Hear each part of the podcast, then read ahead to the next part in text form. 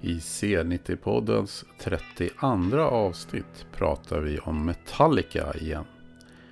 Nu på fredag släpps boken om Metallica i Sverige.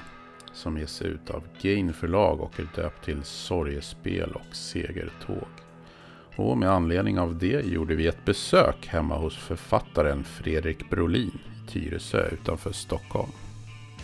Och det är ju faktiskt, precis som du säger, den första boken som faktiskt är skriven på svenska om Metallica. Ja. Så, eh, och det, det hade jag faktiskt inte kollat upp när jag började.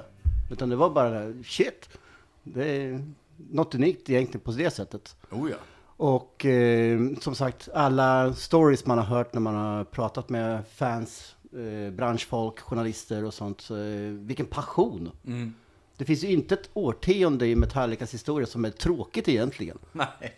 Det är intressant, rubbet, och oavsett om man tycker musiken de gjorde är bra eller ej. Faktiskt.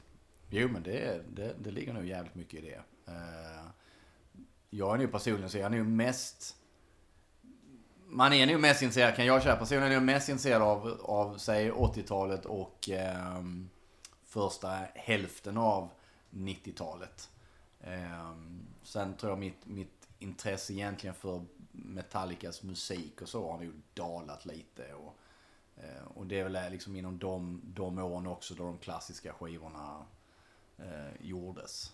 Att, eh, Ja, och du, du delar nog det med rätt många av de Ja. gamla fansen Ja. faktiskt. De vart lite överexponerade under eh, svarta skivan. Mm. Jag menar, eh, videorna till eh, Nothing Else Matters och uh, And the Sandman, de gick ju 24-7.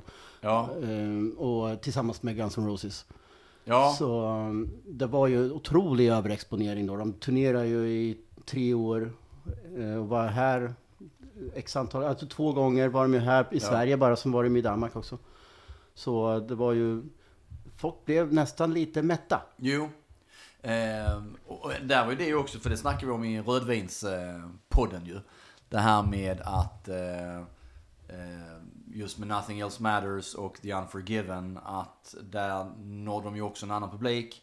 Och Ja. i, i Rödvinspodden så, så pratar vi om det här med att i det här, eh, i videon A year and a half in the life of Metallica så är det ju där att Lars kommer, precis efter giget så säger han någonting om att det var ju fan, det var ju 50-50 mellan killar och tjejer och publiken, that's the sign of making it. Eh, Så det är klart att de, där nådde de ju en helt annan publik med, med de låtarna. Och- Och där sitter han i sina vita tubsockor. Ja, exakt! Och så som en billig porrstjärna. Ja. Som, eh, fan lite fjunig mustasch.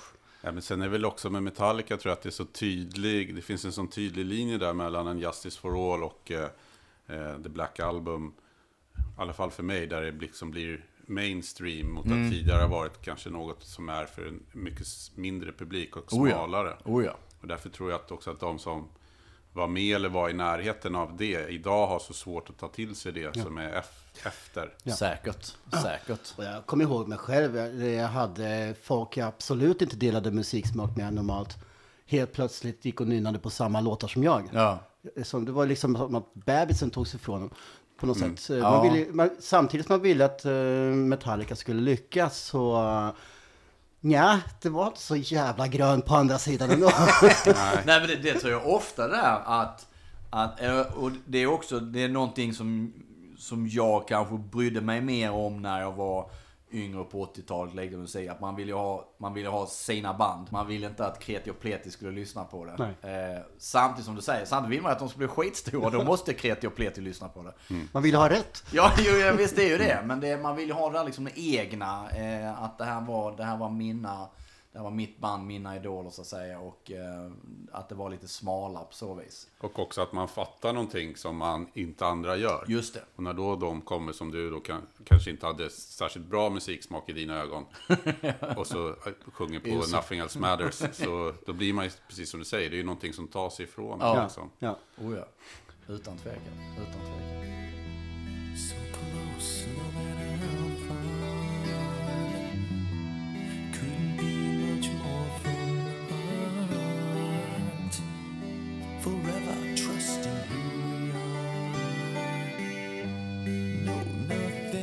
this matters.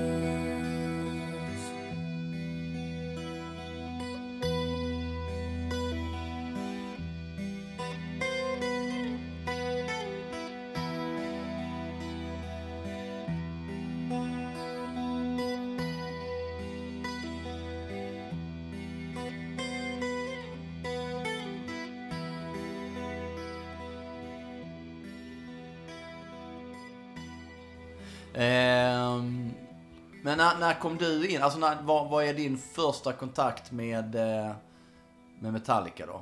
David han snattar ju en skiva liksom, bara det. Hardcore criminal liksom. Shit. Ride the Lightning på Ja. Åhlénsen. Bra, bra val att åka dit på också om det skulle vara.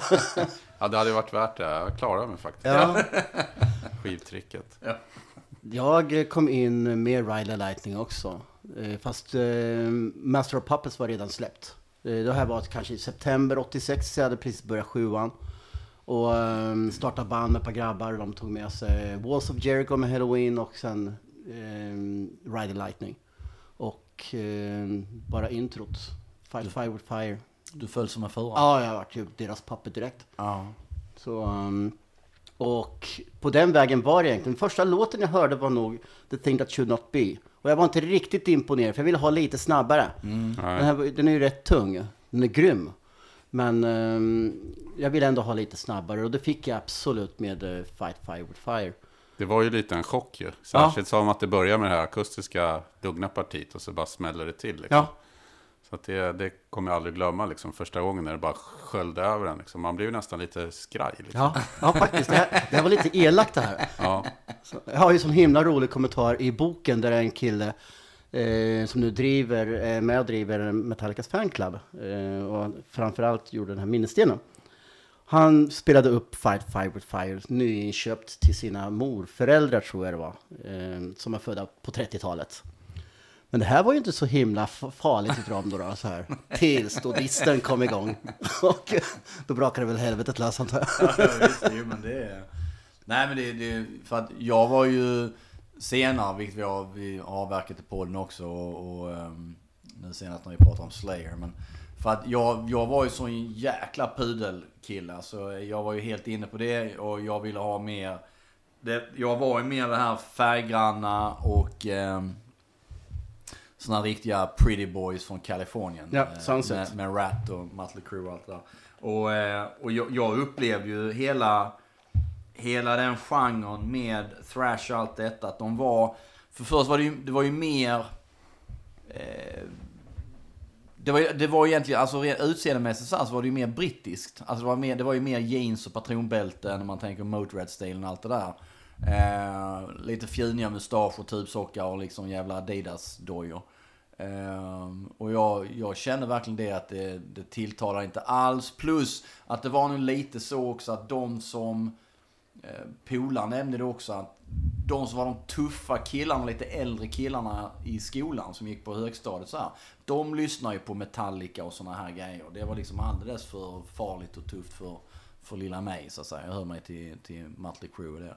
Ehm, så det, det, det kom ju senare med Metallica mer mot eh, uh, Injustice och allt det här. Då kom jag in, men jag blev liksom inget fan.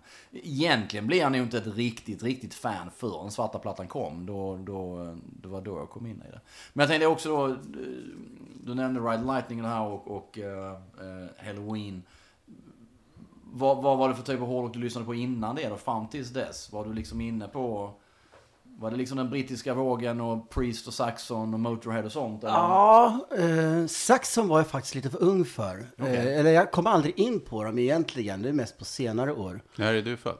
Eh, 73 eh, Men jag är uppvuxen med hårdrock i familjen. Eh, farsan gillade det och eh, brände på med Sabbats eh, tre första och eh, Rolling Stones, då ingen hårdrock men det var Jimi Hendrix, The Who, eh, Jethro Tull som för övrigt snodde en Grammy för Just det, sån sak. för Metallica.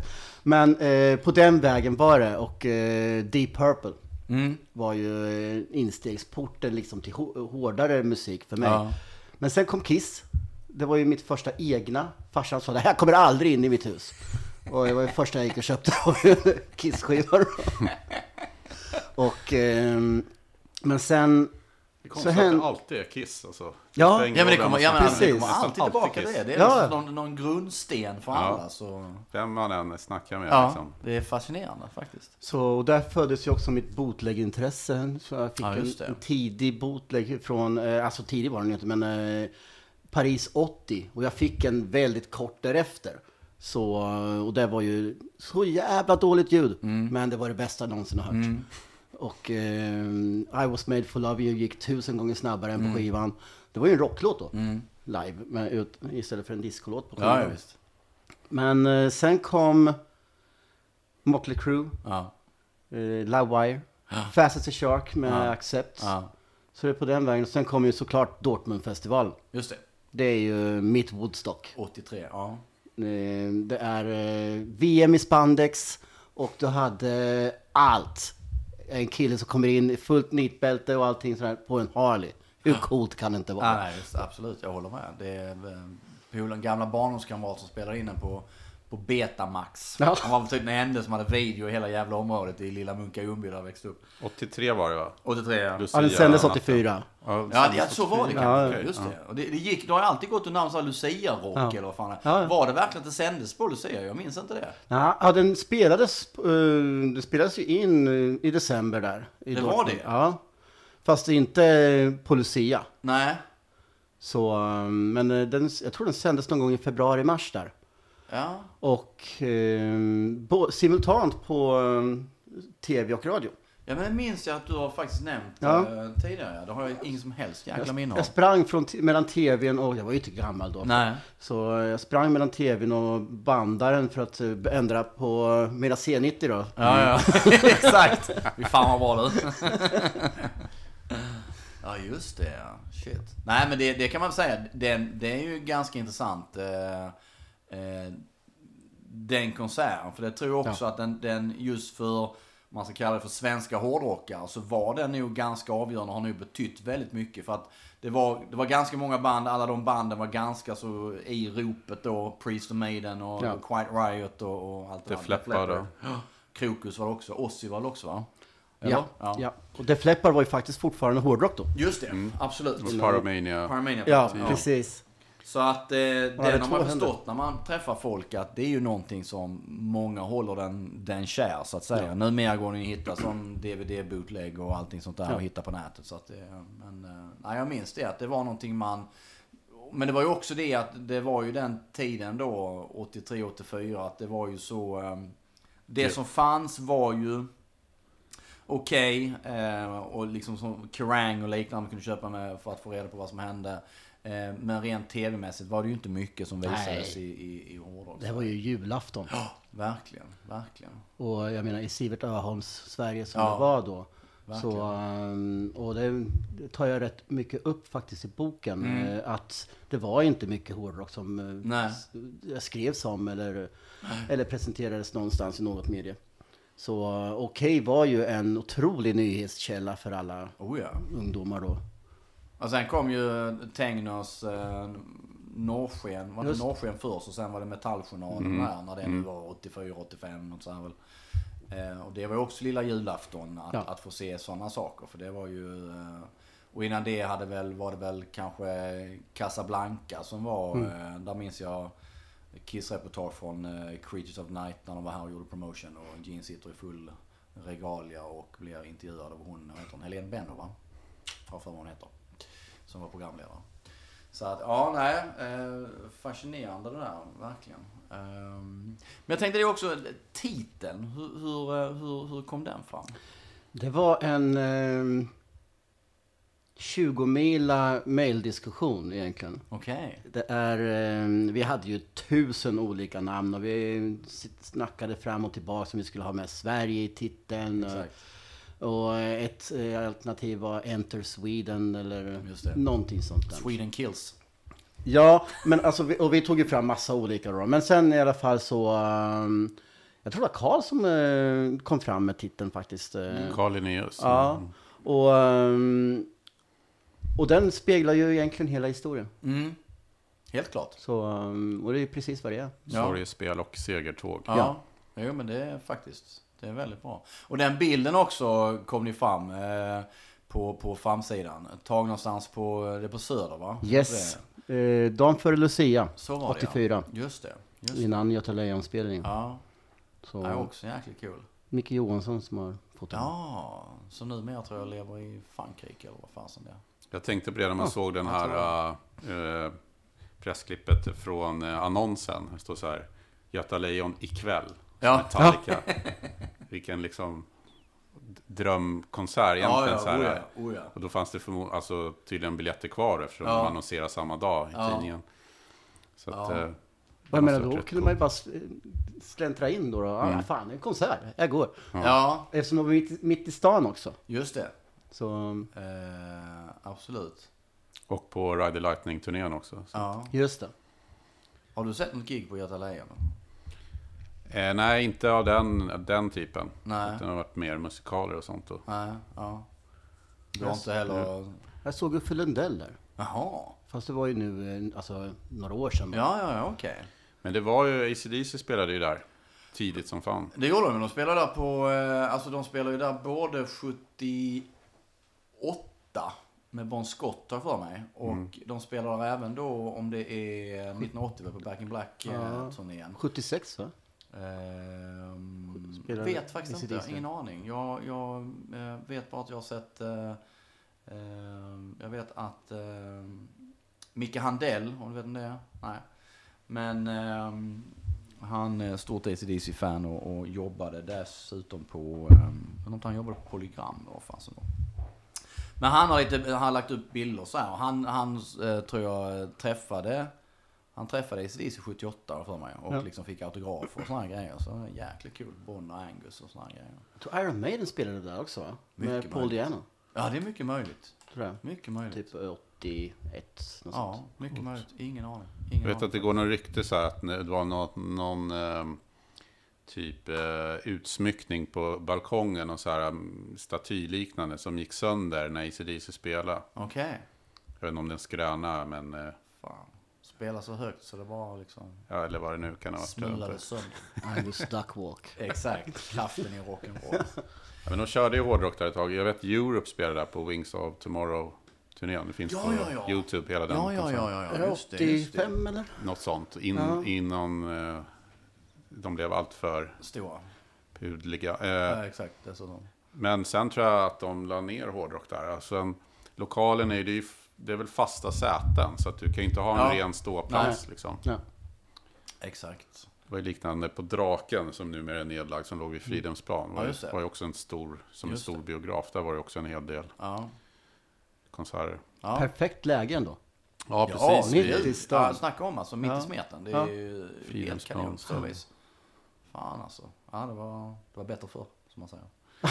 Ehm, Den konserten hade man ju gärna sett. Där, Ja. Metallica Göta Lejon 84. Och det gick ju så fort också. Jag gillar ju det där alltså. Jag vill inte höra samma sak live som jag gör på skivan. Den har jag ju redan. Jag vill höra en annan version Ja. och, eh, och det ska gärna gå lite snabbare.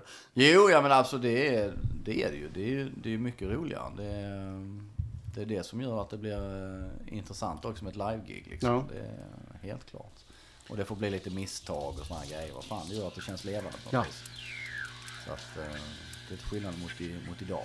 Allting är autotune och playback.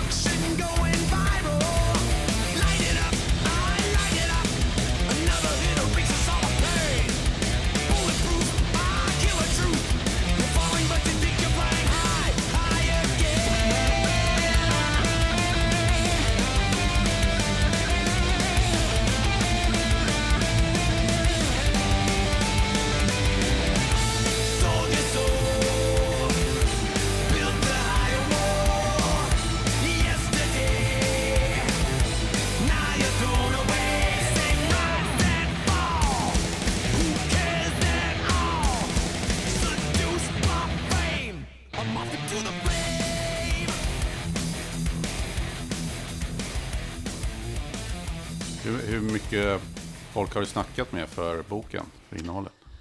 Ja, ehm, jag tror jag har gjort närmare 100 intervjuer. Eh, varav kanske 50 kom med till slut. Ett jäkla jobb alltså. Ja, ja. Och en del tog ju alltså ehm, eh, många timmar. Man satt och snackade ungefär så här. Ja, visst. Och eh, man, jag ville inte sluta lyssna för det var ju jätteintressant. Ehm, och, eh, men bara den tiden man har lagt ner på just bara att prata. Eh, och eh, sen eh, såklart transkriberingen som vi alla vet, det tar ju sin tid. Det, är ju så, det finns ju inget tråkigare. Nej, det är Att prata är skitkul, Ja. men sen sitta och skriva ut skiten, det finns ju inget Men seger. hur jävla många ord hinner man säga på en kvart? Nej, visst, det är helt galet. Det är helt galet. Minns vem, minns vem, vem som var den liksom första sådär som du kontaktade för att få ett snack med? Anders Teiner. Ja, det var det? Okej. Var det? Ja. Han var nog först ut tror jag. Och, Ja. eh, och ju mer jag började nysta i allt det här, jag pratade med Jörgen också då strax efter. Så ehm, jag fattar ju hur mycket jag inte visste Ja. egentligen. Så, ehm, och ju mer jag pratade med folk och eh, fick till exempel reda på att förband Tank var, spelade ju inte alls på Göta Lejon. Nej. De eh, kom ju aldrig dit. Nej, exakt. Deras van gick sönder. Just det. Och, eh, och det vet man ju inte om man inte var där som att eh, på Metallicas hemsida står det faktiskt fortfarande Tank. Ja, ja. Så, men eh, sådana saker var det ju hela tiden. Där man måste ha varit med för att fatta att det var så det, Ja. det hände. Och det är ju det liksom som är så kul med det. Ja, det är, sånt är ju, alltså research på så vis är ju liksom enormt roligt. Ja, ja. Man man småbitar här och småbitar där och saker man verkligen inte har, har hört talas om tidigare. Och något som jag tycker är jäkligt kul också, det är det här med eh, giget på Olympen i Lund där de ligger liksom i, Lars ligger i gröngräset, lyssnar på någon jävla bergsprängare och så här och fans runt omkring och så. Och vilket också visar en, en helt annan tid och en, en, väldigt oskyldig tid kanske på så. Ja. Nu var de ju inte så stora på den tiden. Men, men ändå, även eh, hela den grejen liksom. Det, det, Ja. och kan, men som kanske också ganska visar den, eh, den kontakt som ändå Metallica har haft och fortsätter ha med sina fans. Alltså de, de har ju varit enormt, eh, vad ska man säga? Givmilda och schyssta mot sina fans genom hela karriären. Ja. Eh, till skillnad kanske från många andra band som är betydligt mer privata och håller sig på sin kant. Och, Det var ju det som gjorde mycket att eh, de blev så populära i underground för Ja. första då, att de var en av dem. En, av, eh, en i publiken står på scenen helt plötsligt. Ja. Vilket också gjorde många väldigt besvikna 95 eller 96 när eh, eh, Load-eran började. Just det. Då helt plötsligt var de inte alls som de i publiken utan Nej. de klädde sig som rockstjärnor istället. Och de eh, hade klippt håret. Ja. Gud, det var ju hemskaste som fanns. Precis som när Rolling Stones hade långt hår på 60-talet, Ja, fast tvärtom. Ja, de var ju väldigt stylade också. Just, så, Ja. som, och, Ja, något enormt. Helt plötsligt så, så satt Kirk Hammett och, och rökte cigarr liksom. Och det var massa jävla eyeliner och sådär. Det är ju en konstig tid i det bandet. Man, där, där har de ju blivit liksom nästan så att de känns som att de är för stora för sitt eget bästa. Eh, samtidigt så tycker jag ju fortfarande att, att eh, det giget jag såg på, på Low-turnén i, eh, och de, det var väl två i Globen. Ja. Jag minns fortfarande inte om det var det första eller andra giget jag såg i Globen. Men det håller jag fortfarande som ett av mina absoluta favoritgig med, med Metallica. Och även överhuvudtaget. Jag tyckte det var så jäkla bra. Det var en sån förbannat bra show. Ja. Ehm, så att, eh, nej. trots att det kanske på något vis ändå var någon vilsen tid för Metallica. Ja. Såg du också den? ja, det var den. Eh, vi kanske var på samma va?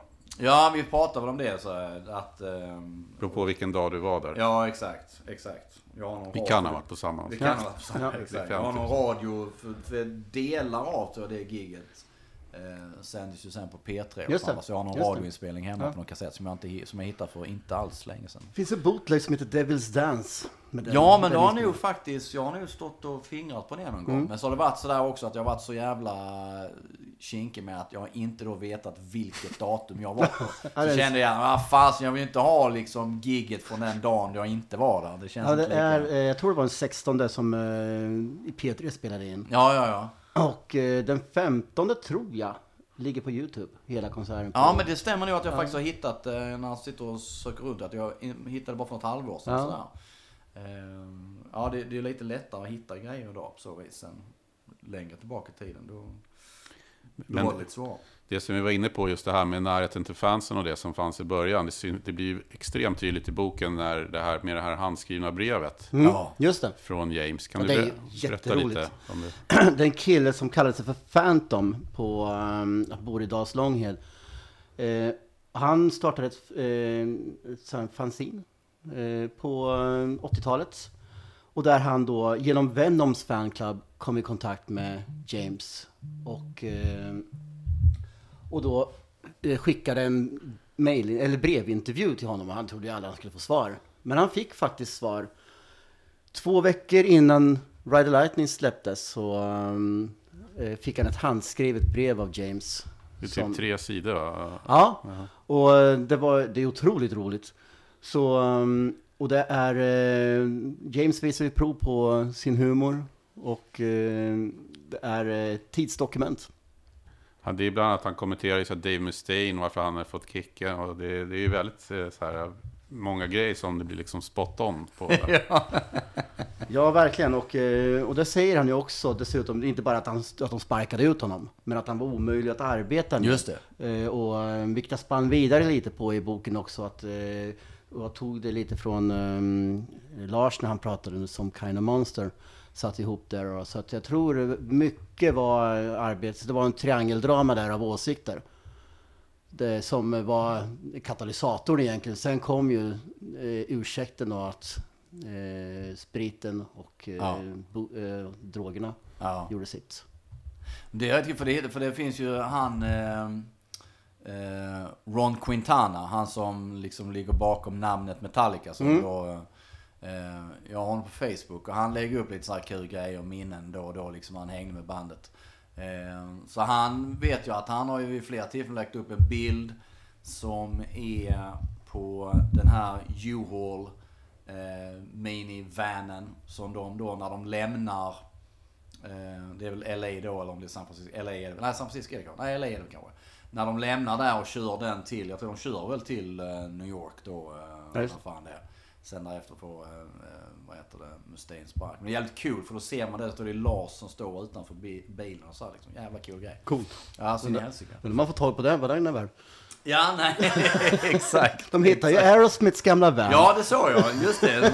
Nå- Någon jävla bonde någonstans i en Ja. skog. Det var helt underbart. Såg ut som, som en gammal glassbil dessutom. Ja. Den var ju så jäkla liten. Tänk om eh, Europes van står uppe i Las Väsby någonstans. det kan ju vara så. Ja, fan jag gillar det alltså att... eh, För den här Phantom, det är alltså den här Heavy Metal Massacre. Ja, just det. Ja, vad hände med honom? Lennart Ja, hette han va? I, eller? Bara underbart att kalla sig för Phantom och den andra snubben kallar sig för Metal Attack. Ja, det är helt underbart. Ja. Det där han- är ju just han är svensk det. hårdrockshistoria det där Ja. fanzinet. Jönsson heter han och han kom från Klippan. Det är ju inte långt från Ängelholm. Ehm, Vet du vad som hände? Sen fortsatte de att skriva eller? Ja, de sätt? gjorde fyra nummer och, eh, av det här. Sen räckte inte stålarna till. Ja. Eh, det var ju ändå, han la ju ner ändå lite pengar på det här och kopierade upp och tryckte upp det här. Så, eh, men eh, som du säger, det är ju historia. Eh, recensionen av Kill 'Em All i det här är ju klassisk.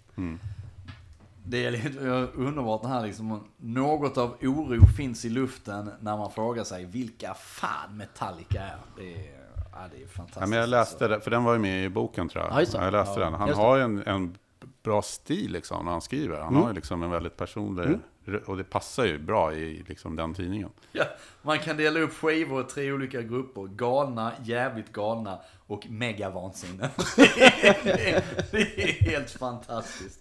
Det är så jäkla bra så det är helt otroligt.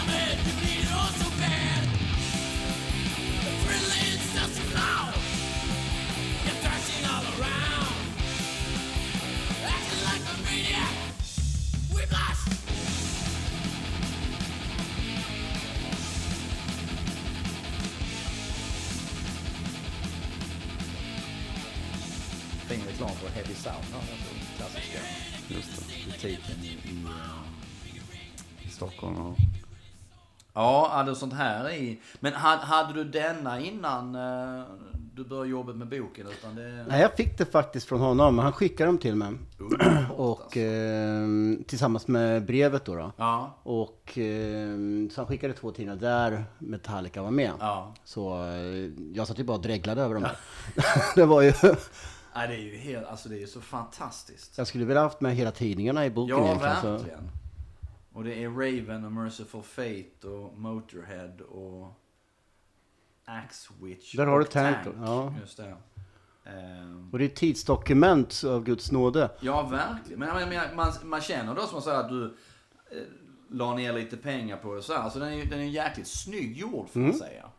Eh, och lite så här glansigt papper och det är fan mig mer bara häfta upp några papper och skriva på, på skrivmaskin. Ja. Det, nej, den är riktigt cool.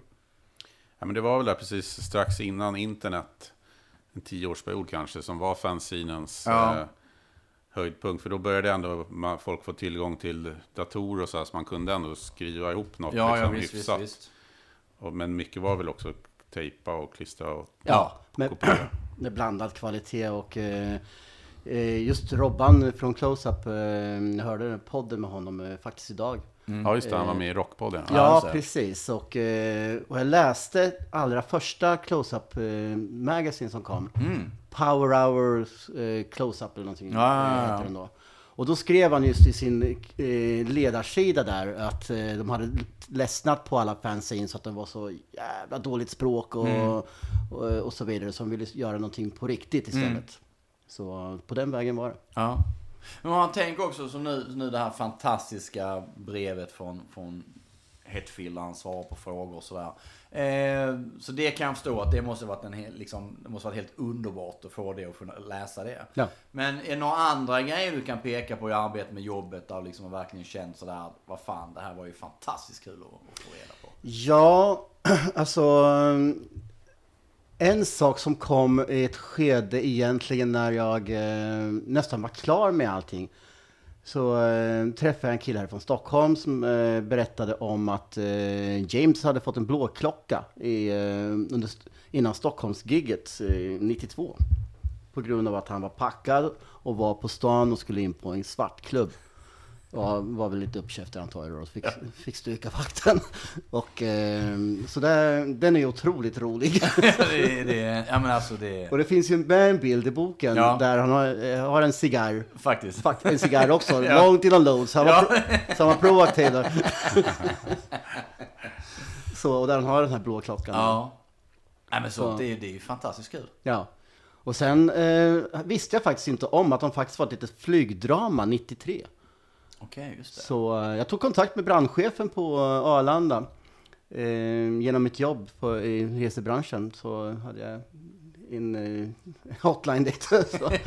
Och, ehm, så, och han var faktiskt in, eh, räddningschef då när det hände. Så, sen var det ingenting, det var inget dramatiskt, det var bara Aftonbladet som blåste upp det till den första sidan.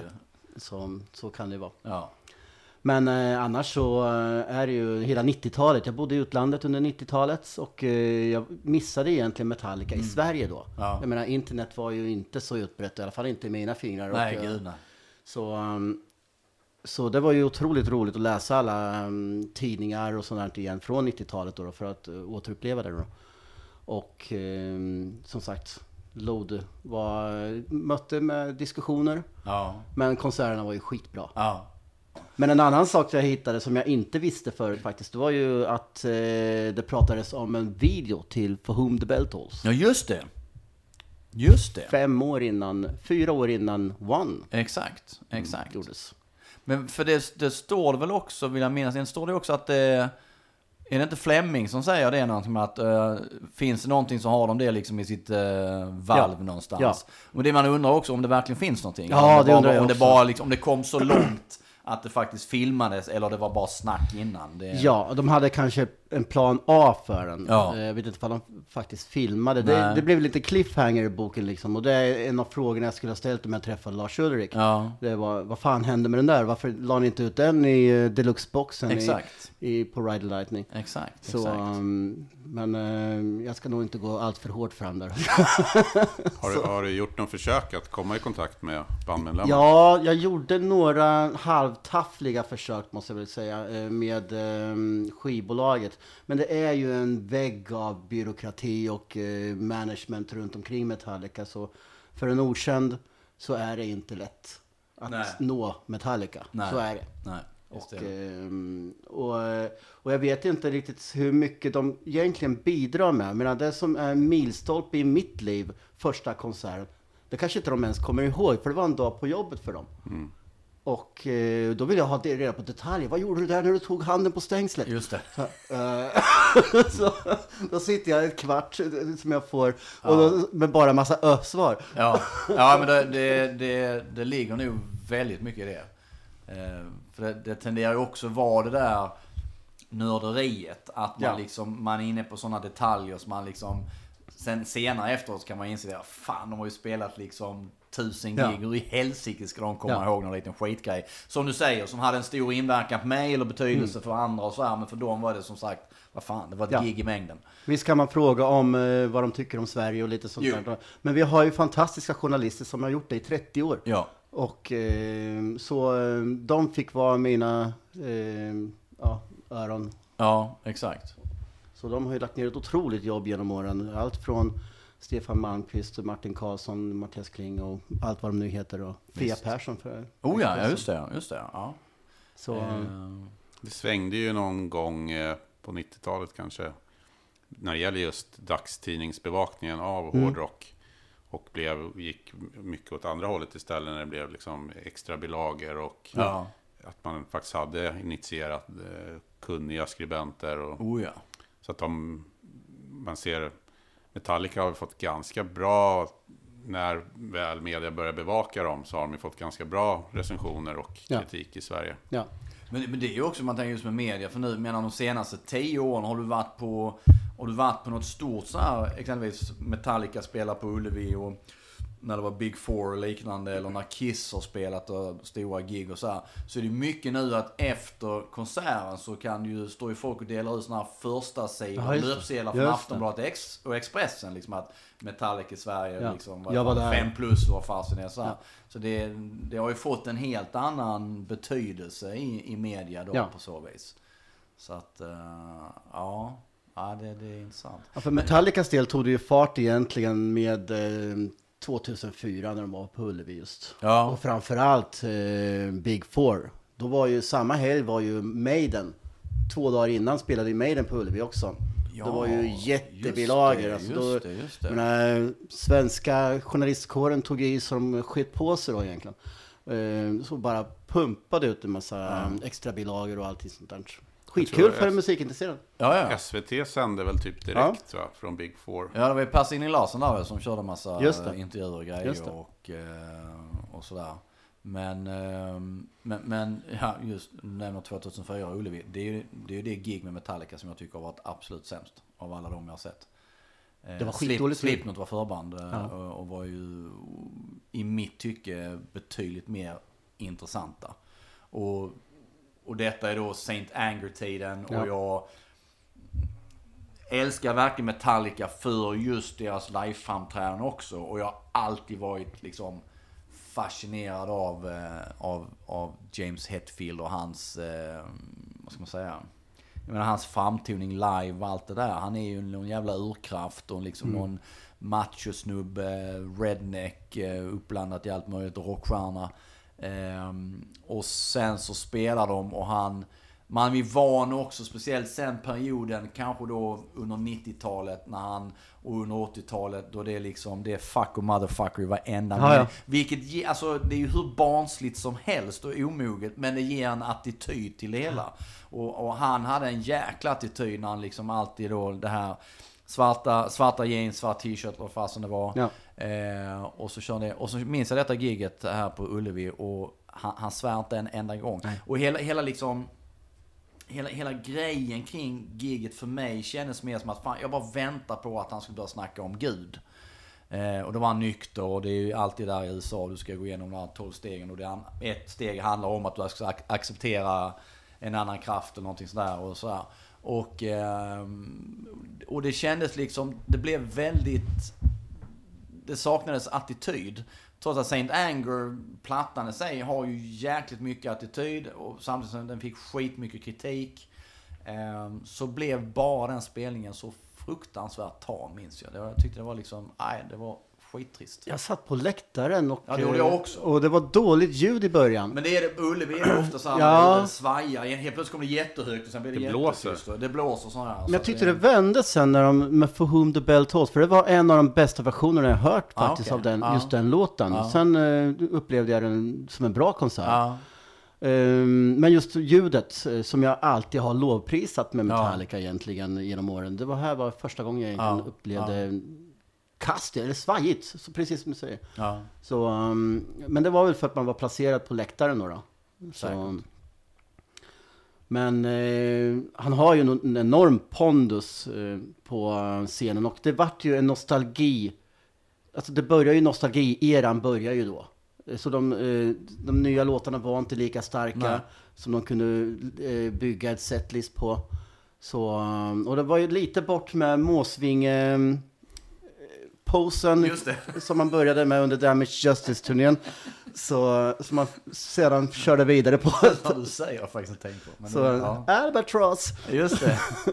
Jo men för det var ju intressant, han körde ju, han hade ju alltid, alltså Hans, hans mixtativ har ju alltid varit lä, han har ju alltid Mm. stått bredbent och lite böjd. Eh, det gör han inte längre, plus att han hade gitarren jävligt lågt. ja. eh, Han var som en omvänd 80-90-talet. eh, Lemmy. Ja, högt ja men exakt. Och det, nu har han ju höjt, det förstår man ju. Liksom, ryggen måste ju paja och ta mycket stryk och stå, stå, stå i den ställningen kväll efter kväll. Nej men, eh, jag har alltid gillat att, eh, alltid gillat Hetfield. Och jag har, jag har sagt det också, sagt, sagt i, i podden tidigare. Men ett av mina absoluta favoritklipp det är ju det är Milton Keynes eh, 93 är det väl tror jag. Eh, och det finns också på YouTube. Och det är, de öppnar med Creeping Death och eh, kör igång och eh, Hetfield bara springer fram till mikrofonen och säger liksom bara 'Fuck yeah motherfuckers' och sen drar de igång. Och det är sån jäkla attityd. Jason är grym där. Ja, han är helt fenomenal. Han ser ut som en Ja, golfboll, ja, ja, men, ja, eh, helt fenomenal. men eh, han är ju, vilken eh, energi. Oh ja, oh ja, oh ja, oh ja, oh Det ja. finns Nej, på, på den live shit. Eh, Binge and Purge. Ja, där finns det någon, jag kommer inte ihåg vilken låt det är, men det är, det är jag vet inte om efter någon låt eller i något parti låten när, när någon skriker efter någon låt som Ja. de redan har kört. Ja. Och han liksom läxar upp den så här. jag har redan kört den, you dick. eller något Ja, sånt. exakt. Och där är han ju verkligen den i Ja. sitt esse på något sätt. Jo, men han hade, han hade ju en annan eh, attityd. För det var, det var så intressant, för jag... ehm, Michael Alago, vet du vem han är? Han Ja, som signade ja. dem till Elektra. Jag, jag intervjuade honom, vad fan blev det? Tidigare i år var det väl. Ehm, och eh, fin, finns, en, eh, finns en film på Netflix om honom som heter eh, Who the fuck is that guy? Som är jätteintressant, för han har haft en intressant karriär. Ehm, men då frågar jag bland annat det här för att Michael Alago är ju är öppen homosexuell. Ja. Och, och var det redan på den tiden då när han signade dem. Och så, så tänkte jag just det att liksom bilden av James Hetfield är ju ändå att han är ju liksom, har ju varit en form av Alltså ganska konservativ redneck-stil. Det är vapen och, och fan hans mormor det här liksom. Eh, Lars kommer från det liberala Danmark. Man kan säga, han sket väl i vilket naturligtvis och så här, det var inga konstigheter. Men jag minns att jag frågade liksom, hur fasen var det och liksom just med James, bilden av honom är ju ändå liksom lite ruffigare så här. Men då blir ju bara svaret liksom att nej men det, det är en fråga vi inte behöver ta upp liksom. Och då fick jag lite känslan av att, att, att, att, eh, att James kanske kan ha haft lite svårare i den, i den grejen så att säga. Ja. Med tanke på sin uppväxt och, och sådana saker. Men det... Jag var snabbt i kontakt med honom faktiskt. Eh, om just eh, For Whom the Bell Tolls. Ja, okej. Eh, och, eh, men jag kom, i och med att han inte själv är med i boken så var han inte intresserad på att svara på massa frågor. nej, nej, nej, nej. nej. Så eh, tyvärr. Ja. Men ehm, Ja, jag ser. eh, vad heter det? jag pratade några, växlade några chatt och Ja. ord med honom. Han är med på en jättebra podd, eh, Metal Up post, Podcast. Ja, just det. Den eh, har jag fått Jättebra, tips om och, och jättebra lyssna. intervju med honom. Ja, kan jag tänka mig. Det kan jag tänka mig. Det är bara, de kör bara Metallica va? Är inte det? Yes, Just det. de är uppe på avsnitt 100 nu eller något sånt. De är, de är riktigt roliga. Att det kan finnas så mycket att snacka om Metallica, det är Ja. galet. Helt otroligt. Är det musik? ja, verkligen. Jag, tänkte på en grej när jag, eh, när jag läste i boken att jag tror att det är Jörgen Holmstedt som säger att Metallica eh, hade inte blivit så stora om inte Cliff Burton hade dött. I alla fall inte i media. Eh, Det hade nog tagit mycket längre tid. För det har jag aldrig tänkt på, men det kanske ligger något i Nej, det. men det kan säkert ligga... Ja. eh, För de var ju, alltså, de var ju på väg uppåt ner med eh, Master of Puppets. Så jag, jag sitter på jobbet och lyssnar igenom massa bootlegs. Så eh, jag har gått igenom nu 82, 83 och fram till 86 nu. Och man hör ju liksom eh, extasen bland publiken redan 83. Eller Paris 84 var ju fantastisk. Eh, så visst eh, hade de ett följe. Men eh, visst, eh, i och med olyckan och dödsfallet då, då så fick de ju en exponering de inte hade fått än på länge. Då. Ja. Så, och det gjorde de ju intressanta, precis som man säger i boken, att de vart intressanta för dagspressen. Ja, ju, absolut. Men jag menar fan, döden säljer ju alltid. Alltså, Så det är det. ju vara det och hur tragiskt det är. Ja. Alltså, det ger en extra eh, dimension till det hela på något vis. Men någon jämförde med ACDC som blev megastora efter Bon Scotts död. Ja, Absolut, jag menar det... det var Martin Karlsson som drog den parallellen faktiskt. För de, hade, eh, för de gick igång rätt fort också Ja. efter eh, Bon Scotts död och eh, levererade Back in Black. Ja. Och de var ju också faktiskt, alltså menar 79's Highway to Hell, det var ju samma Ja. sak där. eh, Matt Lang producerad, de var ju också på gång Ja. så att säga. Eh, Men säkerligen helt klart att, att eh, Bon Scotts död på något vis spelade in Ja. i att, eh, att det sen tog sig till en, till en ännu större nivå. Och vid båda fallen hette managern Peter Mensch. Just det. Det faktiskt, det, det, det. Jag hade inte tänkt på det innan, Nej. men det, det, det är ju... Träffar jag jätte- honom så ska ju den parallellen Ja. frågas. Exakt, det är jätteintressant. Han, han lär dessutom vara jävligt tuff, har jag hört. I förhandlingar med du? Ja, allt överhuvudtaget som han är. Han, han är ingen, eh, jag tror inte han är lätt att göra med. Men det är klart, han, han har ju nått enorm framgång som manager Ja. med, med dessa band. Det är ju det är något helt sanslöst. Han och Cliff Bernstein, det är, det är Ja. radarpar på så vis. Ja. Ehm, Ja, men jag tänkte på det också, för det, för det tror jag inte... Jag tror inte den lilla grejen var med i boken. Det här just med, med eh, olyckan. Det här med att när de eh, bärgar bussen, att de tappar bussen. Ja, jag pratade med en ambulansförare. Ja. Eh, För det, det, jag, kan, jag har fått det från, eh, det är Joel McIvers bok. ja. Som handlar bara om Cliffist och Ja. det, där han nämner detta. Det är första gången jag har hört talas om det. Att I samband med bärgningsförsöket så tappar bärgningsbilen bussen och faller ner en gång till på Cliff. Ja, För han dog ju av att han klämdes ihjäl, eller hur? Ja, så jag menar han, han var ju redan död, det var inte det. Men det var liksom extra tragiskt i så fall om det blev så att eh, de tappar den. ja. Så, men eh, alltså de pratade lite om det, att eh, bärgningen gick bra och allting sådär. Ingenting om att de tappade. Så jag, jag vill inte liksom gå in på för Nej. att... Eh, och jag vet inte ifall jag skrev någonting om det. Jag, jag tror inte jag gjorde det. Nej, jag för mig att det inte... jag fokuserade läste mer på hur själva olyckan Ja. gick till. Exakt. Ja, och nej, det är en liten skitdetalj i det hela. Ja, jag menar det. Och sen kände jag väl mer att det skulle vara, handla mer om rena spekulationer. Ja. Och jag vill hellre ha, eh, och så sitter jag och spekulerar i någonting som är helt fel. Så kanske jag mm, ställer till det för någonting. Och det, jag vill inte Absolut. göra det. Jag, är- jag är fan som skriver för fans. Ja, ja visst. Självfallet, självfallet. Så, Men när, när, var, när, var ditt, eh, när var ditt första gig? För Med Metallica? Ja. mitt första gig, ett missat gig. Jag hade öroninflammation 88. Stockholmsgiget. Även ett inställt gig i... Ja, det är ju det. Apropå Uffe Lundell. Jag, jag har hört att det är tanken som räknas. Men när jag verkligen såg dem blev på Gentofte 91. Ja men just det, vi hade ju Ja. faktiskt samma. För det är, Ja. sam, det är, det är eh, min första också. På Ja. Moses Rock tillsammans med AC/DC, Black Crows och Queensryche. Och tyvärr inte Motley Crue. Nej! Ryktet gick ju under, Ja. man visste ju inte, man kunde ju inte slå in på telefonen och titta. Stämmer det här verkligen? Hur går det? Så, eh, men eh, då såg man ju det vita trumsetet och den danska flaggan och Just sen eh, kom jag, jag kommer ihåg varenda detalj. Ja. Sen minns jag även att eh, något knuttegäng var där och gick, eh, stod i kö till eh, bajamajorna. Okej. Där det satt två brudar och eh, ja, rörde sig lite ömsamt om eh, Centerpartiet på knuttarna. Så, under hela festivalen. Dan- Så- Danmark i ett nötskal. eh, men, eh, nej men jag, faktiskt tillbaka till The Mötley Crüe. För jag, jag har, liksom minns inte vad anledningen var. För de spelade ju på Moses Rock i England. Ja. Så var ju Mötley Crüe med. Precis. Och även så jag på några andra ställen i Europa de spelade som Så jag, jag minns inte vad anledningen var till att de inte giggade i... Eh, för det var ju redan på de posters som var för gigget i, eh, på Gentofte så stod ju inte Mötley Crüe med. Så det var ju inte nej. det att det var inställt på så vis. Det var någon kontrakt eller något sånt. Ja, det måste varit någonting sånt ja.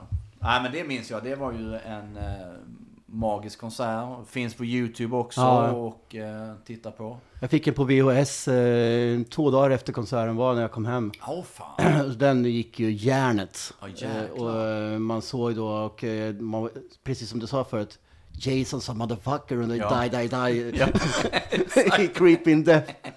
Man var, det var inte svårt att imponera på en... eh, Nej, nej, det var det ju verkligen Ungdom då. inte. Verkligen inte. Nej, men det minns jag att jag, jag, jag sökte bootlägget för flera år sedan på, jag ville ha det på CD. Och tänkte, jag tänkte mer så här, det måste finnas. Eh, Sen minns jag att jag hittade en, eh, en jäkla snyggt bootleg, tror det är ett japanskt, för japanerna är överjävliga på att trycka upp sådana här snygga grejer. Eh, som var på någon, jag kommer inte ihåg om det var på Ebay och så här, men så gick det för rätt mycket pengar så det var aldrig aktuellt. Och sen långt, långt senare, bara nu för några år sedan, så eh, var jag på, eh, var nu fasen på eh, eh, en loppis. Och så var det någon snubbe som hade flera och så sålde liksom billigt. Det var liksom, jag köpte tror jag tre, fyra bootlegs, CD-bootlegs, så här 40 spänn styck då fast. Ja, nice. Ett av dem var ju Gentofte sen när Ja. jag liksom tittade på baksidan. Så det, det var ju fantastiskt kul. Var det soundboard eller var det... mm, Eh, du, det är ju faktiskt en bra fråga om det är det. Jag tror nu att det är en publikinspelning, men jag minns faktiskt. Men Ja. jag vill minnas att det är bra ljud ändå. Det var inte precis igår jag lyssnade på det. Jag har det- nog bara ljudinspelning, alltså publikinspelning Ja, också. Sen finns ja. det några låtar som är från dansk tv också. Ja, ja, ja, ja, Som de var med i. Just det. Och det är ju kul för detta är ju då... Svarta plattan är ju inte släppt. Den släpps väl eh, några dagar efter vad det Precis. eh, på det här giget. Så det är öppningsspelningen på Monsters of Just det. Rock-turnén. Just det. Då. Just det. Man hade spelat den två gånger, inte samma. Innan eh, det här, nå- någonstans i eh, Kalifornien. Okej. Tror jag det Ja, var. Och, eh, så det var tredje gången. ja, Tillsammans med Sad But True. just det. Hur länge sa du att du hade jobbat med boken? Två år tog det nästan exakt. Det är ganska snabbt jobbat ju. Ja, med tanke på att jag har ett heltidsjobb eh, och två barn. Så det vart ju kvällar, nätter och helger man får sitta. Ja. Men har det varit eh, lustfyllt eller har det blivit liksom som ett ok ibland att bära liksom? Och, Ja, till och från. Eh, visst har det funnits eh, perioder då man liksom har tvivlat på sig själv och liksom eh, att det har varit jävligt jobbigt. Men eh, samtidigt så är jag glad att eh, förlaget satte lite press på med deadlines och sånt. Annars hade jag fan aldrig blivit klar. Nej. Då hade jag ju bara fortsatt och då hade boken blivit som en tre biblar. Ja, det, för där, det finns ju, det kommer ju en, en Kiss-bok som släpps nu som eh, heter Kiss Magic som, som fokuserar från 73 till 83, den sminkade perioden. Ross Radley heter den snubben i USA som är helt överjävlig vad gäller- gäller att lokalisera bilder och få rätt datum på dem och stories omkring så här. Så att det kommer bli en överjävlig bok. Men han har ju hållit på hur länge som helst. Och där, nu har han liksom fått igång, jag har köpt den för dyra pengar och den ska börja skeppas i februari vad det är, det blev någon riktig mastodontgrej. Men han började rätt tidigt och jag gjorde någon sån här e-mail-intervju med honom rätt tidigt när han höll på med detta. Men det var ju samma sak man förstod hela tiden, att han, han hittade nya grejer Ja. varenda jäkla vecka. Ja. Vilket gjorde att boten bara växte och växte och så sköts det på tiden Ja. och allt sånt där. Och till slut blev det att man fick säga att nej vad fan, nu, nu får det Ja. vara stopp. ja, men så är det ju med mig också. Att jag får ju hela tiden, man pratar mycket med folk om just Metallica. Ja. Ehm, och ehm, vad fan sa du inte det här tidigare? Exakt! Ja men det såg jag, vad fasen var det? Var det inte... eh, om det var på eh, bokens Facebook-sida eller någonting annat, där det var någon som hade lagt upp bilder. Var det inte från den här Gino, om det var lyssningsgig, där med bilder på Kirk och fan var. Ja, just det. Om det var du som hade kommenterat och sa, vad fan kom du inte med den här bilden tidigare för liksom så här. Så det, är, ja, men så är det ju. Det är, någonstans måste man ju dra en. Ja, precis. Och, eh, och det här är samtidigt som det är, eh, det är en rätt bra samhällshistoria egentligen. Du får hår, livet som en hårdrockare egentligen Ja. genom eh, den här. Så eh, det jag fick med här är jag otroligt nöjd med. Det är Ja. första gången jag gör en, något sånt här stort. Ja. Och eh, jag hade ingen aning om hur lång tid det skulle ta eller någonting. Jag räknade med, fan, det är sex, sju år. Ja, exakt. Men eh, Du hade med dig eh, förlaget ganska tidigt då i proce- ja, proceduren. Ja, jag, jag gjorde klart, eller gjorde första draften av 80-talet och skickade in till dem. Och eh, Carl Linnaeus som är förläggaren då, då måste ju fått en whiplash-skada där. För det, det kom tillbaks helt jävla rött. och, och jag tänkte, vad är det här? Det är ungefär som att fröken hade... du, du kom bakis till ett prov. Och, vad är det här? Så, men då var det, då var det, ville han bara påpeka lite skrivregler och sånt där. Så Ja. det, jag hade ju bara fläkt på. Ja. Ehm, så, men han tyckte det fanns en hel del bra i det där jag hade skrivit. Och eh, någonstans hittade han en nerv som, ehm, som han tyckte att det här kör vi på. Ja. Så, Det är Gain förlag alltså som... Ja, just Ja. det. Finns det några planer på att översätta den eller är det kanske senare fråga? eh, I dagsläget finns det inte det. det är I sådana fall, eh, finns det ett eh, behov eller ett tryck utifrån på, då kommer det i sådana fall bli på engelska gissar jag. Ja. Så det skulle vara kul. Det är ju Ja. mycket stories som är unika för Sverige som Så jag tror är ganska helsike. okända Ja, för är- Metallica-fans Ja. utanför Sverige. ja, men just det, för det, fin- det som är också är ju för man tänker Metallica-fans världen över och så lilla Sverige. Men det är, mycket är ju just detta med Cliff Burton, att han faktiskt Ja. då förolyckades i Sverige. Ja. Det finns ju alltid den kopplingen till Sverige. Ja. Även vi är ett litet, litet land i det stora hela. Så att, eh, men, men, eh, nej men jag, jag, jag vet att jag har snackat eh, ändå med med Carl vid flera tillfällen just om hans böcker om Kiss och liknande Mm. här med att översätta. Och det, är, det är också lite så här, det är inte så enkelt alla gånger som alla tror och, och det, det ska ju även finnas ett underlag för att, att, eh, att folk faktiskt ska köpa det och vara intresserade. Ja. Och det är inte så lätt att veta heller. Nej. Det, Och så ska man eh, få det bra också. Det ska Ja. vara, man ska lämna ifrån ett värdigt resultat. Absolut. Så jag menar, mitt sätt att skriva måste kunna på något sätt transformeras Ja. till engelska så Ja. de förstår liksom vad jag menar med något som är underförstått till Ja, exempel visst, eller visst, och så vidare. Sådär. Så jag vill ju såklart vara med i den processen om det skulle bli. Ja. Men har du fått mer smak nu och känner för att göra fler? Ja, alltså det var ju kul. Vem hade kunnat tro det? Det måste ju bli lite tomt efter ett sånt intensivt arbete Ja. när det tar slut. Ja, det liksom. blir det ju. Och, eh, och det är svårt att eh, fokusera på annat. Eh, Och framförallt nu fram till eh, 26 oktober så har det varit väldigt mycket just den ska gå i print och den ska korras och, och allting sånt där. Så att det har inte varit så mycket tid. Jag har ju varit helt inaktiv på Rockbladet. De måste tro att jag är stendöd. men, ehm, men vad heter det? Men visst, kommer rätt eh, idé fram så är det såklart att eh, det är aktuellt. Ja. Och eh, det finns några idéer som eh, svävar i, uppe i etern där. Så att eh, det får vi se. Ja. Utan att jinxa något. Ja, just det. Vad har varit jobbigast då? Jobbigast var, alltså i början var det ju, i och med att jag är helt okänd. Eh, så, och folk, men jag skriver en bok, ja men sure. Den har vi hört förr. ja, jag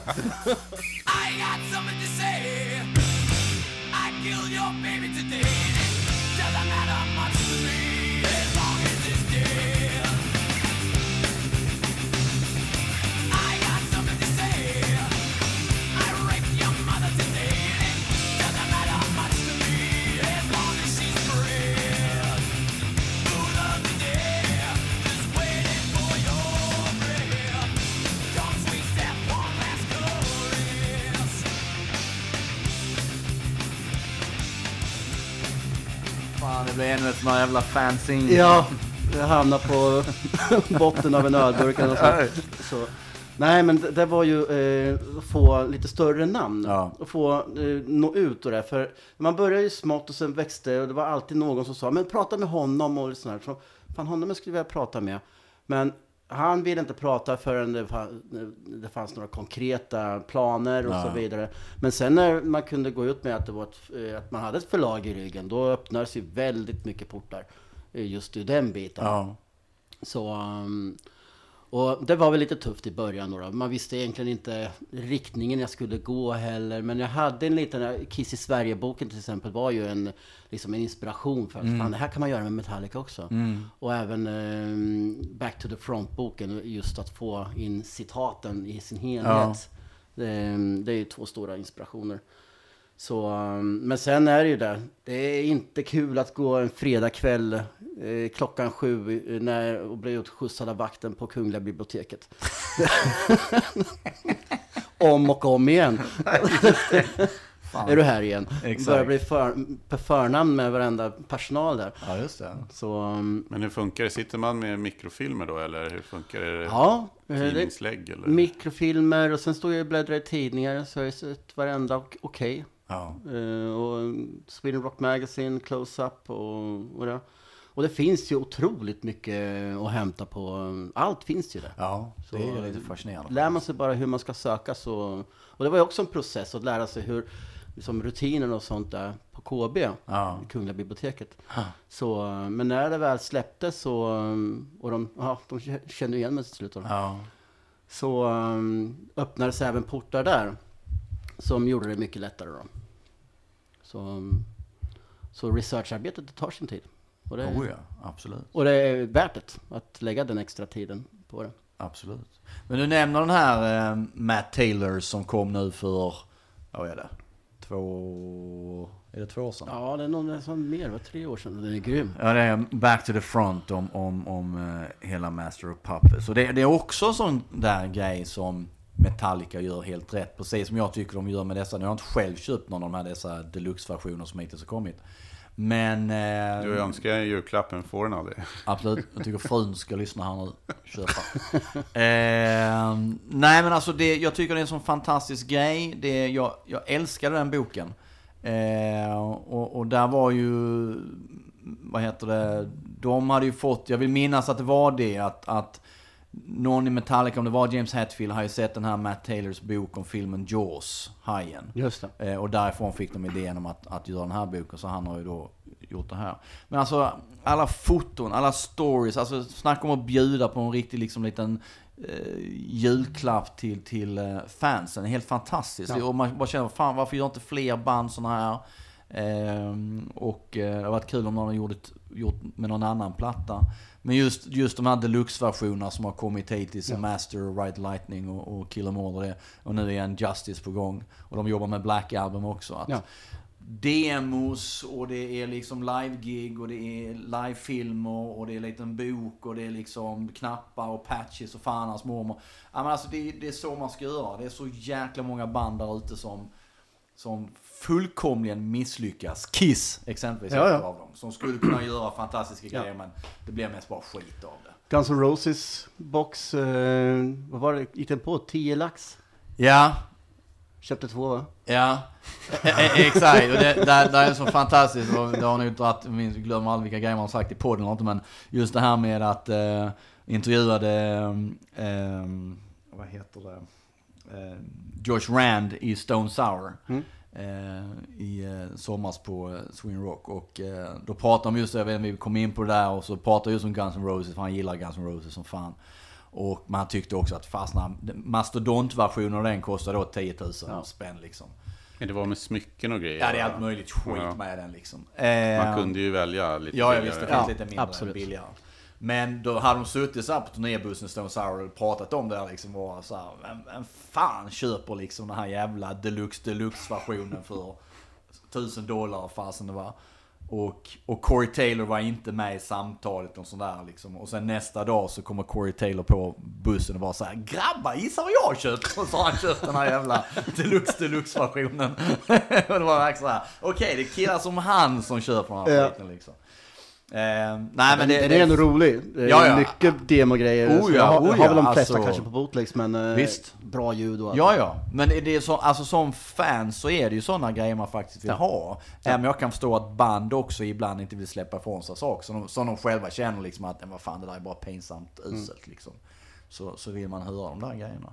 Men, eh, men då gissar jag på att du, har- du har plöjt mycket Metallica-litteratur. Vi har en hög med grejer liggande här på ditt bord. Och jag Ja. såg Mick Wards bok eh, ja, ligger här och So What-boken. och det har ju varit mest eh, egentligen för att dubbelkolla saker. Ja. Eh, och min research har ju utgått ifrån svensk media för att eh, återspegla det Ja. som svensk fan har eh, upplevt. Då, då. Så att, eh, det har mest varit för det. Och sen kanske då, i och med att man läser de här så hittar man ju andra vinklar också. Men fan, den ska jag kolla upp också. Ja. Så um, det har ju varit helt fantastiskt och den här Back to the Front-boken är ju grym. Men, eh, och även Deluxe-boxarna har ju, sen har jag ju tittat på bootlegs, för att jag har gjort det i 20 år nu, Ja. 30 år. Ja. Så, um, men eh, Deluxe-boxen för Injustice kom ju.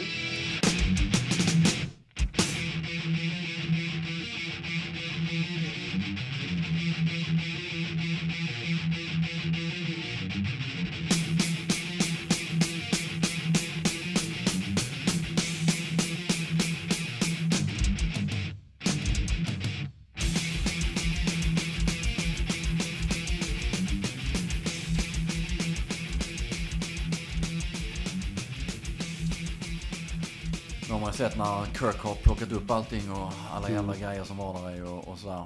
Eh, jag är ju mer så här, jag känner mer att när den, när den svarta boxen väl kommer så den är nog den som jag är mest sugen på. Det, kommer ändå vara den plattan tror jag som har betytt Ja. mest för mig vad det gäller Metallica i och med att jag var lite uh, sen på det som pudel.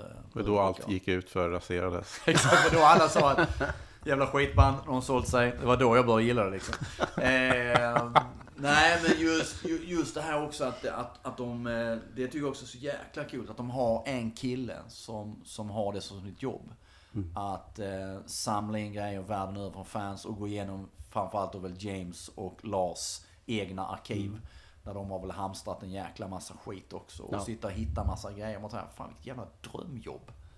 Att ha det liksom. Ja, det Så är otroligt roligt. underbart. Ja. Så Nej, att, men jag kommer att tänka på en grej när du sa att just det här med svensk media och, och du bläddrar i tidningen Okej och så att Okej var ju för oss otroligt viktigt Ja. för vilka band man plockar upp och så.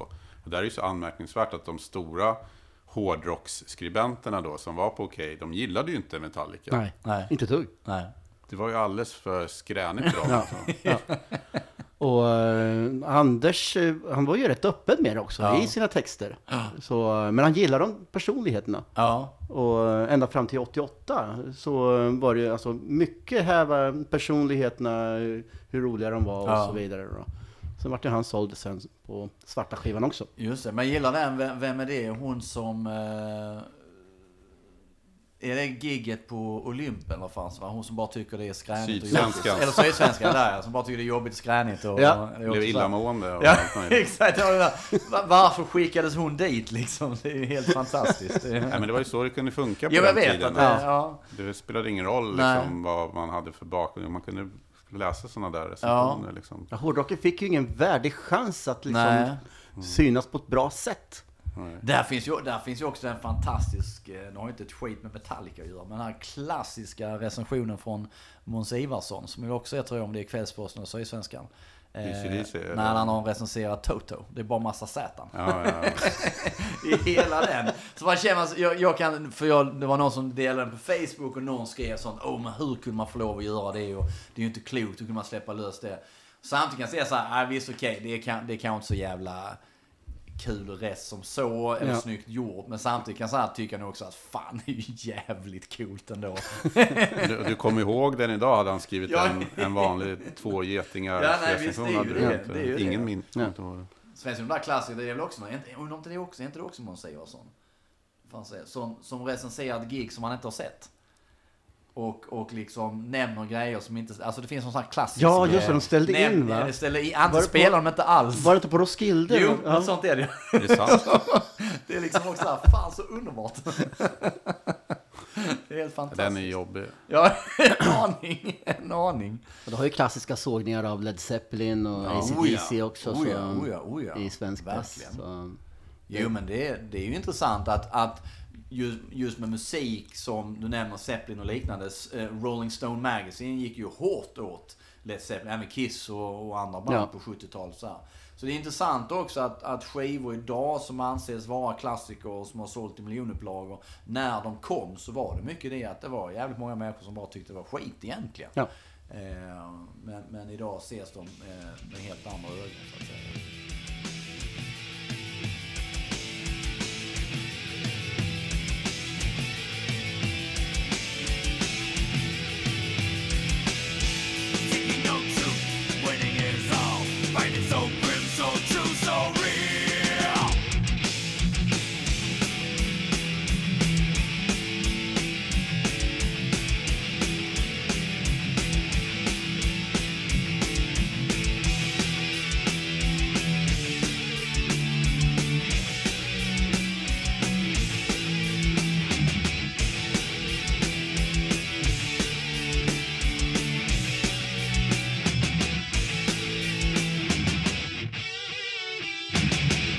Ju aldrig någonting i rörliga bilder heller. Nej, dessutom det. Eh, typ dessutom. Dortmundfestivalen var ju första gången. Ja, ja visst. Helt Mm. underbart. Jag sitter här med Metallica Club Scandinavian. Var, eh, var du medlem i den här eller? Men du Nej. Var, du var ju borta på 90-talet. och- Precis. Eh, jag var ju faktiskt inte ens medveten om att den fanns då. Nej. Eh, det är ju nästan pinsamt att säga det som en eh, Det är författare. Niklas Svanlund som... Ja. Han... Eh, nej, jag, jag kopplar nog inte det faktiskt eh, för nu att han sysslar med detta. Det enda jag... Första kontakten jag fick med honom var väl mer det här med att han höll i det här eh, Metallica Met on Tour och med alla videos och sånt de la upp ständigt på sin hemsida och, och sådär. Så att, eh, Precis. Han startade ju den där, han var till känd, om du tittar på baksidan där. Det är samma session som eh, Ja, just det. framsidan av eh, Just det. Min bok. Ja, det är det minsann. Göt, utanför, Göt, eh, på Söder. Men... Men- Det är precis en sån bild som gjorde att jag inte gillar dem. De, de var Alltså svintuffa killar, bara liksom i jeans och... Ingen scarf eller något sånt. Nej, och lite småflottigt hår Ja. och sådär. Och så på någon skitig, liksom, så som en skitig bakgrund. Men, det- men, eh, nej, men det, det, det, var, det var på tok för tufft. Ja. Tok för Nej, men de har ju bara klivit ur turnébussen. Nej, men lite så. Ja. Fan, de har inte sminkat sig.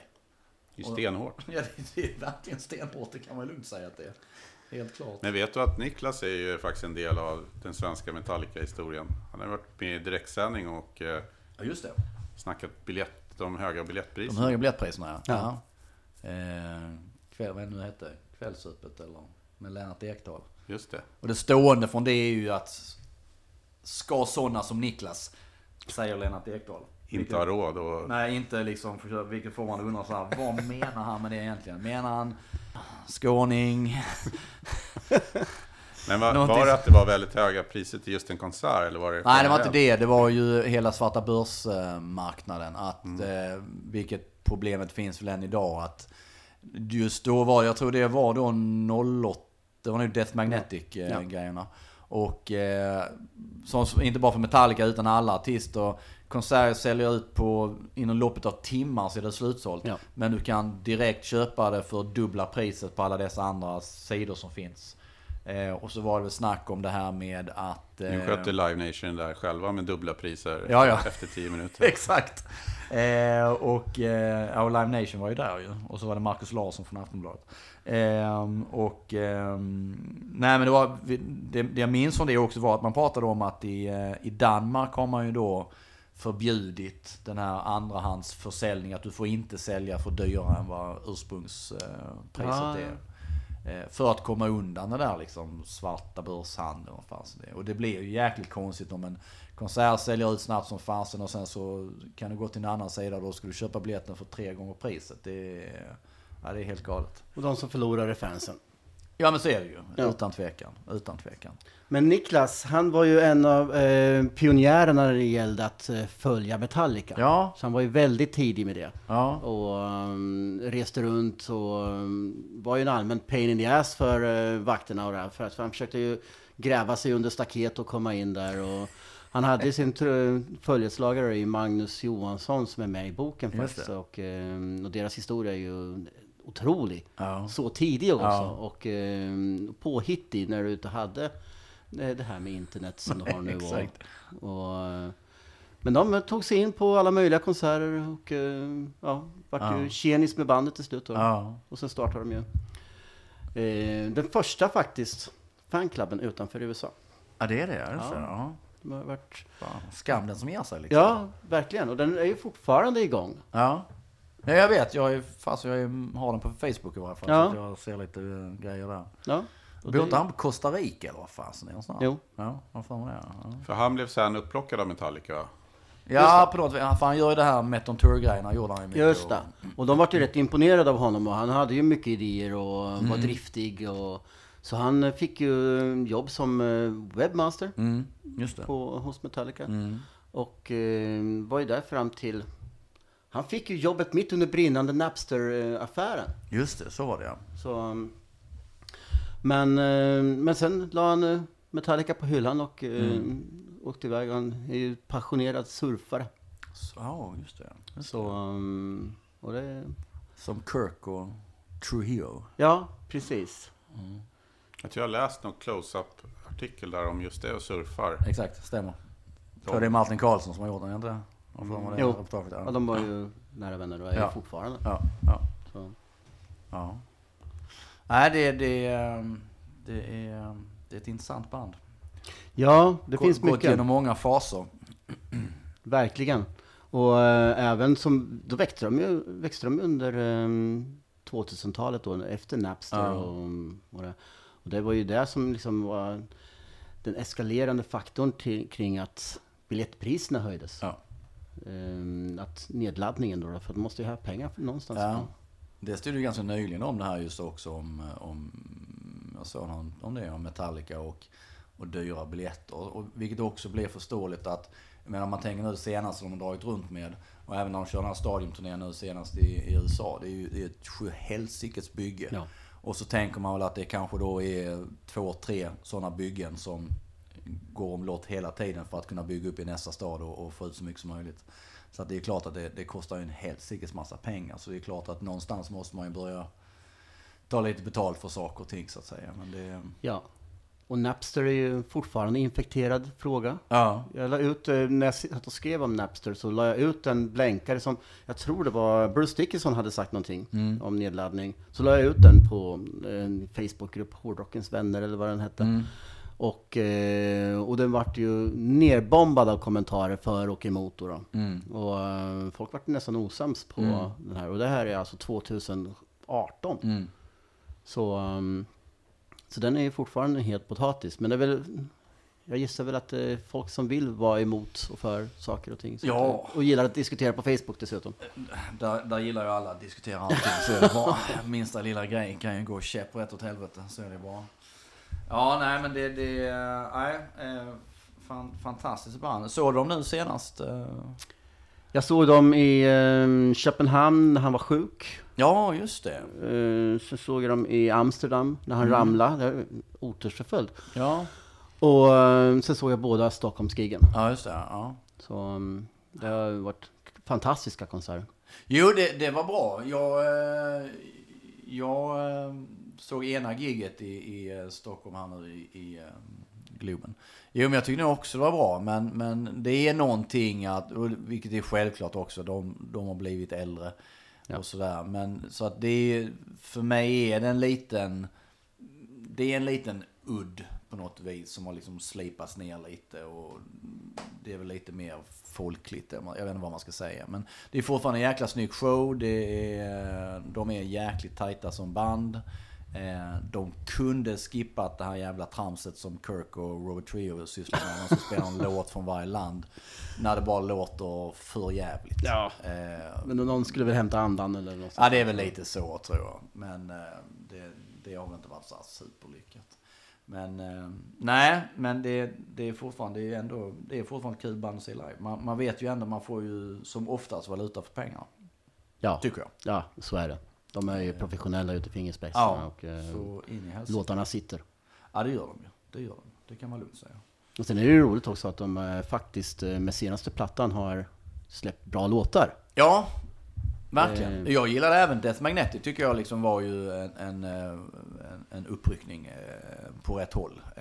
Som, som jag verkligen gillade. Men, men senaste var verkligen bra också. Många fina stänkar på den. Som jag tyckte även då funkar live också faktiskt. Ja, och många verkligen. som har en, en, en, en riktig jäkla tyngd och aggression i sig. Ja. Eh, som, som är jäkligt kul att man fortfarande liksom efter allt det här fortfarande kan kräma ur sig någonting sånt där. Det, Om man går tillbaka till det här med att eh, två första låtarna på skivan är också öppningslåtarna på konserterna. Ja, ja, Det just var det ju Ja. under eh, Master of Puppets-turnén till Ja, exempel, ja, Dam- ja, ja. Damage Inc. Ja. Och även eh, har det varit andra konserter där det Ja. har varit så också. Så, Ja. att, eh, så det är lite kul. Please welcome Dennis Lexine and Mickey D.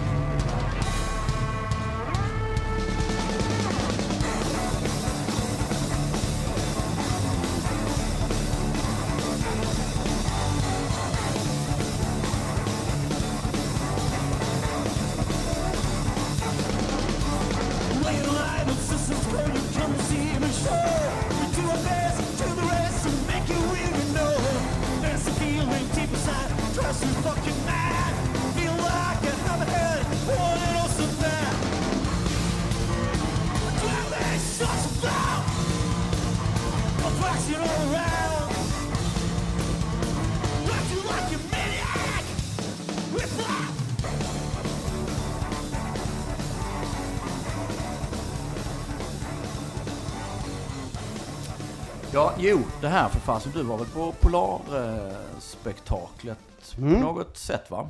Jag var så på genrepet, Så var det? vilket Okej. var häftigt. Och då fick man ju se allting osminkat då. då. Ja, Eh, Forge uppträda utan mask. ja just det. Det var lite speciellt. Det var coolt. Ja, Och, ehm, och jag tycker, om man går på hans låt, uh, Enter Sandman, som han framförde, så den, fram, den var ju mycket, mycket tyngre med Candlemass i, eh, när man var på plats än, vad, än vad som framgick i tvn. okej. ja, ja. Så den var ju riktigt bra där. ja, Så i tvn tyckte jag den förlorade lite tyngd. ja, Det var Candlemass som kompade Ja. Forge. Ja. just det. Det kändes ju som ett tråkigt val av låt av honom. för Man vet Ja, att han ja. har en äldre historik med Metallica än så. Ja. Ja, jag hade hoppats faktiskt på att de med just Candlemass som är lite som är tunga och doniga, att de skulle köra Thing That Should Not Be eller Ja. ehm, något sånt där. Ja. Ehm, Men ehm, det var väl också en, en ehm, mainstream-fråga där också. Säkert, säkert. Så, men var roliga framträdanden. Money Ja. Brother var bra. Ja, det var riktigt kul faktiskt. Ja, och, Lars såg ut, såg ut som han uppskattade. ja, och hon som körde One tycker jag var Ja. skitbra. Ja, Så, och jag tycker det var helt rätt att de fick Polarpriset. Det vart ju också en het diskussion om det. oh ja.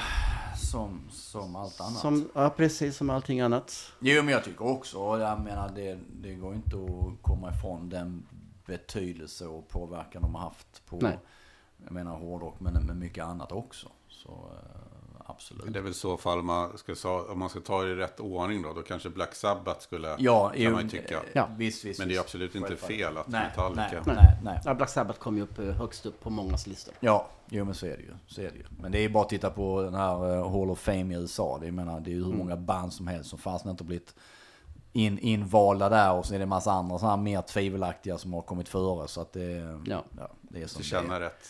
Ja, ja fan. Det ska, vara, det ska vara rätt hipsternivå och elitnivå på det liksom för att det ska komma in. Ja, Ja, nu har vi snackat i en och en halv timme. helsike! fan, det blir, det blir del 1 och del 2 på detta också. Vem transkriberar det här då? Så jävla skönt. Det är därför jag startar en podd. Ja, exakt. Man får inte behöva transkribera. Det är så otroligt jäkla skönt. Jag bara överlämnar allting till David. Han får sitta och klippa och ha sig liksom. Det är... Ja, men det är så jävla mycket roligare. Än Ja, jo det kan jag tänka mig att det faktiskt är. lägga in lite roliga klipp och så. Avslutningsvis, Fredrik Brolins Metallica-favoriter. Det jag Tre, tre, eh, jag minns vad jag bad. Var det tre favoritlåtar eller två, tre Ja, favorit... jag, var, jag hade lite delfrågor där. Ja, Så att, jag minns det. Jag kommer inte ihåg vad jag om det skulle vara live eller om det skulle vara... Ja, just det. Nej, men du blanda sa, jag sa studio, va? studio. ja. Du var stenhård där. Ja. Så, eh, men eh, jag har valt eh, Four Horsemen som en. Oh, ja. Eh, jag har även valt Fight Fire with Fire. ja. Har affektionsvärdet för att det var um, första. Just det. Och sen, eh, alltså, jag tar Master of Puppets där också. Jag är Ja. lite sugen på från den skivan att Leper Messiah, Di- eh, Damage Inc är bra. Men eh, Master Puppets. Mm. Och det baseras egentligen på Cliff Moll. För att eh, den passion det fanet eh, visar när han står och sjunger med i första versen. Eh, han som står bredvid han som tejpbandar. Eh, bandar, den är helt fantastisk.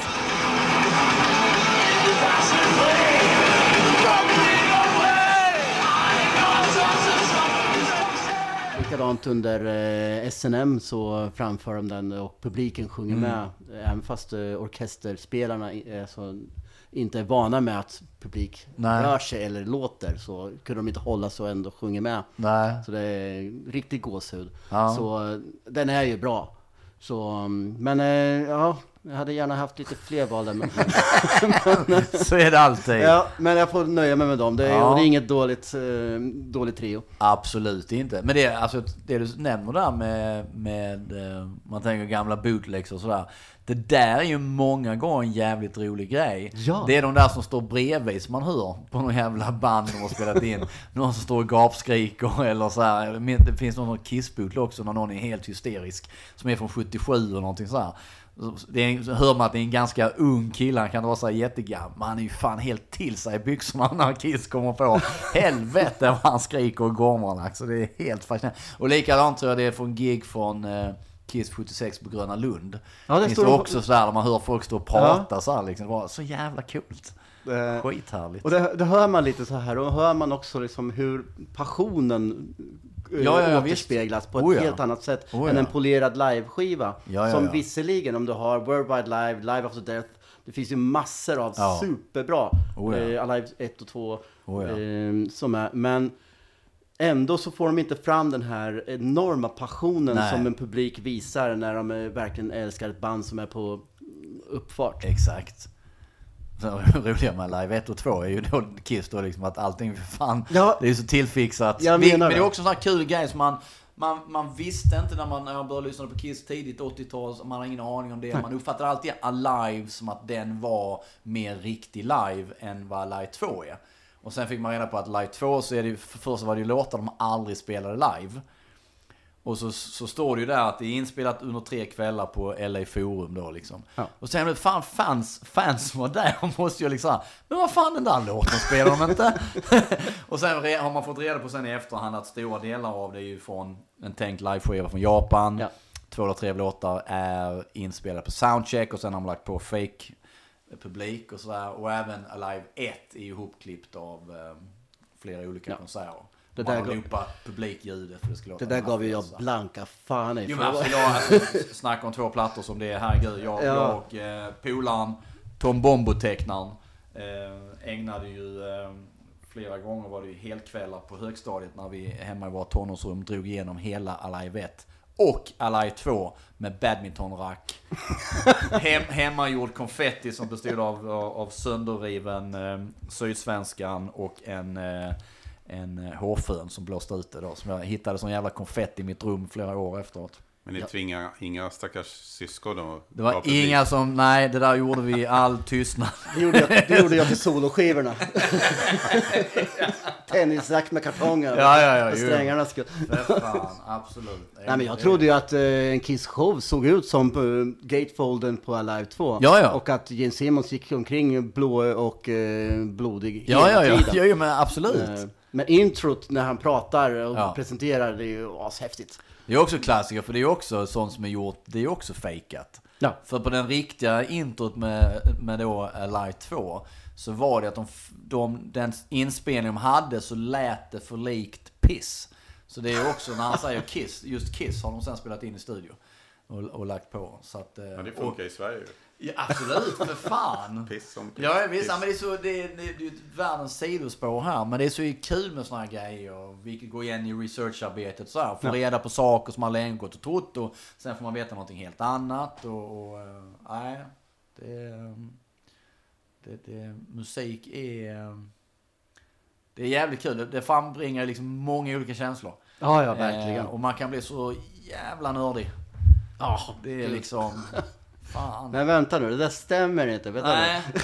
nu. De Det- gjorde ju faktiskt inte så den där konserten. Det är då man inser att man är, fan man är kanske liksom Asperger light. Det är något sånt. Och man kan prata länge om det. oh ja, absolut.